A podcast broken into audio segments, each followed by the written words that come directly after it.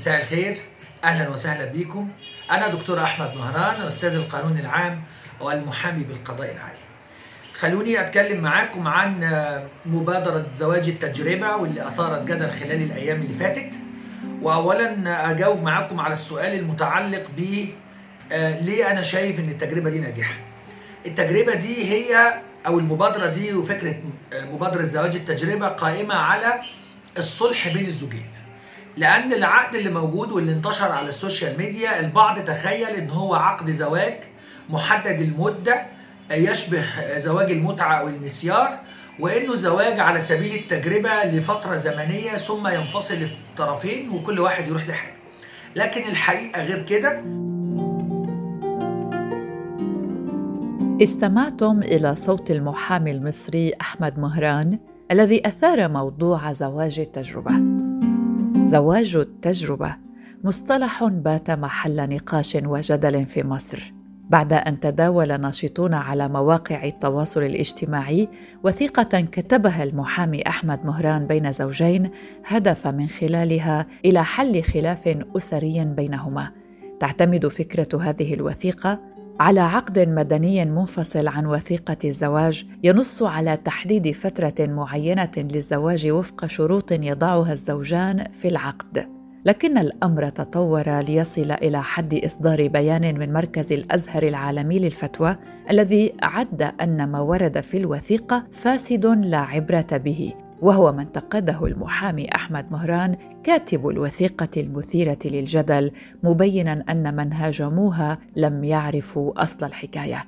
أما أصل الحكاية فقد خصنا المحامي أحمد مهران به في هذه الحلقة من بودكاست في عشرين دقيقة للحديث عن هذا العقد. في الحقيقة إن ده عقد صلح بين زوجين كانوا على وشك الطلاق وتم التصالح ما بينهم وعودتهم مرة أخرى للحياة مع بعض ولكن بعد الاتفاق على شروط خاصة لكي تستمر بينهم الحياة الزوجية.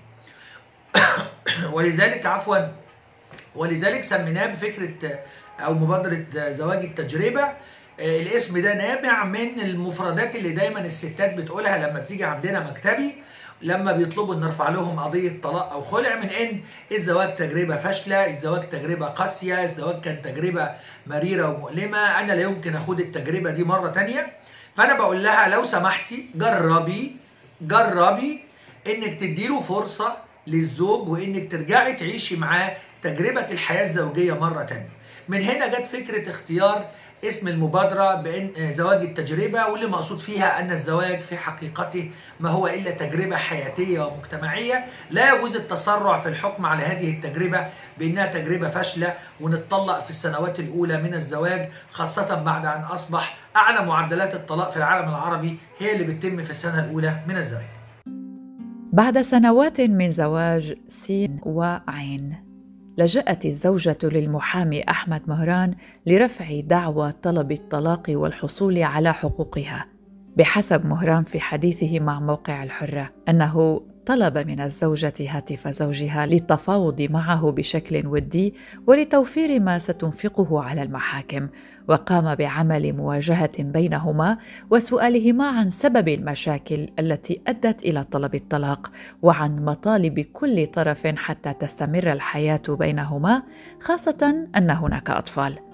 وجد المحامي أن لكل طرف من الزوجين مطالب من الطرف الآخر والذي لم يعترض عليها أصلا. فاقترح كتابة هذه المطالب في عقد كتب في عنوانه عقد اتفاق على مشاركة الزواج زواج التجربة. وقال مهران أن هذه كانت حيلة للتراضي بينهما وأنه أفهمهم أن هذا عقد ملزم ومحدش يزعل الثاني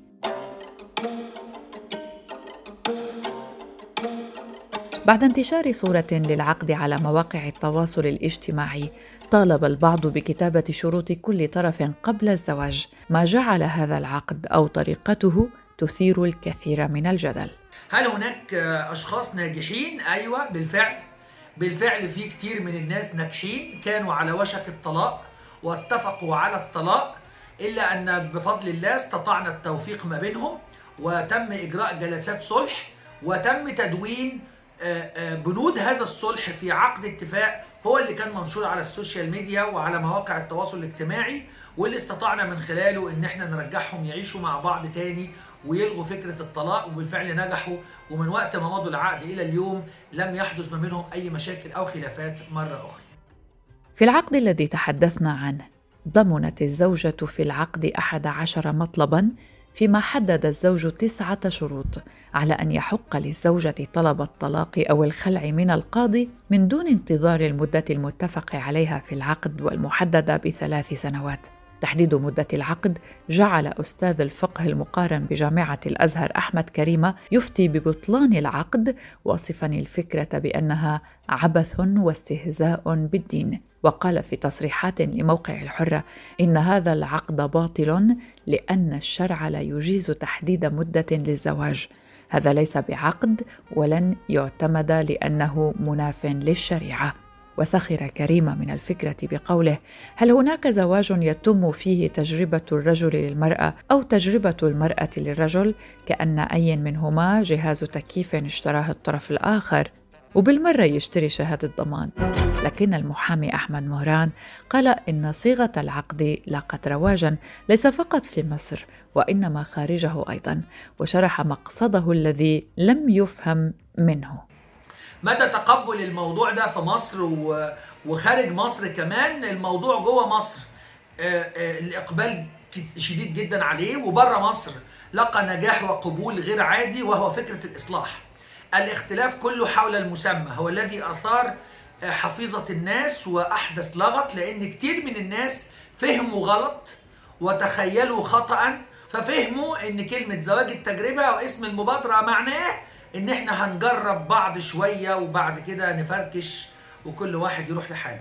وأنا طبعا لا يمكن أعمل ده ولا أقبله لأن الأصل في الزواج التأبيد ولأن الأصل في الزواج الاستدامة ولا يجوز أن يكون عقد الزواج محدد المدة ولا حق ولا يجوز أن يكون هناك تقييد للحق في الطلاق ولا يمكن ابدا أشارك في عمل زي ده. كل الحكاية إني كنت بحاول أوجد حل جديد خارج الصندوق للحد من انتشار الطلاق وللحفاظ على الأسرة بإن إحنا نوهم الزوجين بحيلة اجتماعية مسبوقة بصبغة قانونية إن إحنا نرجعهم يعيشوا مع بعض تاني ويدوا نفسهم فرصة إن هم يجربوا يعيشوا مع بعض تاني يمكن يقدروا يكملوا والبيت يستمر من غير طلاق عشان نحافظ على الولاد وعلى البيت وعلى الأسرة. شكرا ليكم. أنا دكتور أحمد مهران المحامي المتخصص في قضايا الأسرة. وأصدر الأزهر الأسبوع الماضي بيانا يتضمن اشتراط عدم وقوع انفصال بين زوجين لمدة خمس سنوات أو أقل أو أكثر فيما يسمى بزواج التجربة اشتراط فاسد لا عبرة به. واشتراط انتهاء عقد الزواج بانتهاء مدة معينة يجعل العقد باطلا ومحرما مشيرا إلى أن الزواج ميثاق غليظ لا يجوز العبث به. فكرة زواج التجربة حسب صاحبها دكتور أحمد مهران فكرة الهدف منها هو التغلب على الخلافات الزوجية لدى حديثي الزواج حيث يرى صاحب المبادرة أن شروط الطرفين تؤدي إلى تقييد الحق في الطلاق بشكل قانوني ولا تحلل حراما أو تحرم حلالا وأوضح مثالا بهذه الشروط كرفض الزوج عمل زوجته أو رفض الزوجة زواجه من سيدة أخرى على أن تشمل بنود العقد الآثار المترتبة على الإخلال بالشروط. ويقول أيضا إن الهدف من هذه المبادرة هو تخفيض حدة النسبة المرتفعة من الطلاق التي تحدث في مصر. وعندما يعلم كل طرف أن هناك عقد وقع عليه يفكر ألف مرة. لذلك يقول بأنه عمل حيلة أصلح فيها بين الزوجين. ويؤكد أن كل الحكاية هي أنه أسماها اسما ملفتا للنظر كنوع من التسويق الإعلامي لجذب الانتباه لفكرة جديدة نضع فيها شروطا على الزوجين ونصالحهم ونمنع الطلاق خاصة في السنوات الأولى من الزواج والتي يكثر فيها الطلاق. وبحسب مهران كل من أطلق تصريحا خاصا بالموضوع وقال إنه محدد المدة لم يبحث ولم يطلع ولم يره. وحكم على الأشياء بالسمع. ظانا فكرة التجربة بأن الزوجان سيجربان بعضهما البعض سنتين إلى ثلاث سنوات وسنتطلق وبناء عليه أصدروا أحكامهم وفتواهم. وأضاف منتقدا المعترضين على فكرته بأنه أيا منهم لم يكلف نفسه بالبحث لمدة دقيقة واحدة ولو حدث فإنهم سيجدون البند التمهيدي في العقد وعلموا بأنه زواج شرعي رسمي على سنة الله ورسوله وأن هذا مجرد عقد مدني وليس له علاقة بالزواج. فقط يكمل الشروط بين الزوجين التي اتفقوا عليها حتى يحافظوا على البيت ولا يختلفا أو يتطلقا. قبل أن نكمل حلقتنا سنستمع إلى المحامي نور الدين النجار في سوريا. سيشرح لنا بعض النقاط في القانون تتعلق بالفروق بين وثيقة الزواج وعقد الزواج المدني وغيرها. في البداية بخصوص آه، عقد الزواج تحت التجربة يلي صار بمصر فنحن بالأول بدنا نفرق بين مصطلحين. مصطلح وثيقة الزواج أو صك الزواج وهي بتعني عقد الزواج الذي ينظمه القاضي الشرعي وبيأخذ الصفة الرسمية ومنتج لجميع آثاره ويحمل صفة الثبوتية المطلقة. أما عقد الزواج المدني فهو عقد لا يحمل الصفة الرسمية وينظمه في الغالب محامي وينقصه فقط التصديق الرسمي. وهو عقد صحيح إذا توافرت جميع أركانه وشروطه ويرتب جميع آثاره.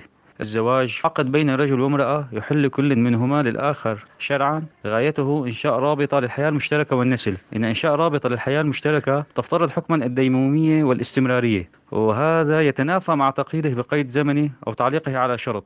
كل من الزوج والزوجة أن يقيد الزواج بشروطه الخاصة التي لا تخالف الشرع والقانون. والاجتهاد القضائي يجمع أن الطلاق هو حق من حقوق الله وهو من النظام العام. يعني وجود شرط بنص على الطلاق خلال مدة محددة أو يفرض الطلاق آه، بناء على شرط خلال مدة الزواج فهو مخالف للقانون وللنظام العام. وكمان أكد الاجتهاد أنه لما كان الاتفاق في عقد الزواج على الامتناع عن الطلاق أو طلب التفريق تحت طائلة الضمان يؤدي لحرمان الزوجين من استعمال حق يتصل بنظام الأسرة. الذي هو من النظام العام وباطلا من أساسه. ونحن بنفهم من هذا الاجتهاد بالقياس أن اتفاق الزوجين في عقد الزواج على الطلاق بعد مدة محددة أو بناء على وقوع شرط معين يحرمهم من استعمال هذا الشرط أنه يتصل بنظام الأسرة الذي هو من النظام العام. وفي حال فرضنا أنه عرض على القضاء عقد الزواج يوجد ضمن شروطه شرط تحديد المدة فإن موقف القضاء السوري هو تصديق العقد في حال اكتملت أركانه وشروطه وإبطال شرط المدة لمخالفته النظام العام. ولا يقع الطلاق بناء على هذه المدة في حال كان الطرف الآخر رافضا للطلاق. وفي حال اجتمعت إرادة الزوجين على الطلاق بعد تلك المدة فالطلاق يقع. حسب الأحكام المنصوصة قانونا سواء كتفريق أو كمخالعة لا نتيجة للشرط الذي لا يعتبر موجودا من أصله. تتيح وثيقة الزواج الرسمية في مصر وضع شروط من قبل الطرفين وتركت مساحة لذلك في عقد الزواج الشرعي بحسب المحامي مهران. معنى ذلك أننا متفقون على أن وضع شروط بين الزوجين أمر جائز لكن خانة الشروط في العقد ثلاثة سطور فقط وهم أرادوا أن يستكملوا ما نقص من الشروط في ورقة ملحقة بحيث يضع كل منهما شروطه فما الأزمة في ذلك؟ هذا ما يقوله المحامي مهران مشيرا إلى أن هذه الورقة لم تؤثر على شرعية الزواج وفي العقد المنشور طالبت الزوجة من زوجها ألا يضربها أن يحسن معاملتها تكون لها ذمة مالية خاصة يلتزم الزوج بالإنفاق على الأسرة اشتراكه في تربية الأبناء وحقها في الاطلاع على حساباته البنكية أو حساباته الشخصية على مواقع التواصل الاجتماعي فيما اشترط الزوج الحصول على الأرقام السرية الخاصة بحساباتها على مواقع التواصل الاجتماعي. أستاذ الفقه المقارن بجامعة الأزهر أحمد كريمة قال إن العقد المنشور تضمن أن يلتزم الزوج بحسن معاشرة زوجته وهذا موجود في القرآن عندما قال الله وعاشروهن بالمعروف كما نص على أن الزوج يلتزم بالنفقة على زوجته وهذا معروف بدون أن يكتب أن من آثار عقد الزواج التزام الزوج بنفقة المأكل والملبس والمشرب والمسكن فما الجديد؟ وأضاف الجديد هو أنهم يتحدثون عن الاطلاع على الحسابات المالية وهذا لا يصح حسب رأي أحمد كريمة. هذه أمور خاصة ولا يجوز أن يطلع أي منهما على حسابات الطرف الآخر لأن هذا تدخلا في الذمة المالية إلا إذا أراد الطرف الآخر ذلك. مشيرا أستاذ الفقه المقارن بجامعة الأزهر إلى أن مثل هذا العقد يخرج الزواج من قصد المودة والتراحم الذي يقوم عليه الزواج. وبحسب بيان الأزهر أن كثرة وقوع الطلاق في سنين الزواج الأولى لا يعالج بالانفصال وتحريم الطلاق وإنما يواجه بالوعي وبالمعرفة وتنمية المهارات لدى الشباب والفتيات المقبلين على الزواج ليعرفوا قدره ومعناه وحدود الله فيه وأحكامه وكيفية اختيار شريك الحياة والتعامل الأمثل معه ومع النفس وحدود تدخل الأهل في الحياة الزوجية وكيفية تجاوز عقبات الحياة ومشكلاتها إسلام عامر نقيب المأذونين في مصر اتهم المحامي صاحب مبادرة زواج التجربة بترويع المواطنين وتكدير السلم العام واختلاق عقد جديد للزواج حيث قام بتحريم حلال وتحليل حرام وذلك بكتابة شروط مخالفة للشرع والدين في عقد الزواج. وقال أيضا لا يجب تبني المبادرات التي تهدف لهدم المجتمع وتدمير البيوت المصرية لافتا إلى أن الخلافات الزوجية تحل عن طريق زيادة وعي الأزواج المقدمين على الزواج عن طريق دورات لتأهيل الزوجين وتلقيهم النصح من المختصين. خلاصة ما توصلت إليه دار الإفتاء في دراستها حول ما يسمى إعلامياً بزواج التجربة.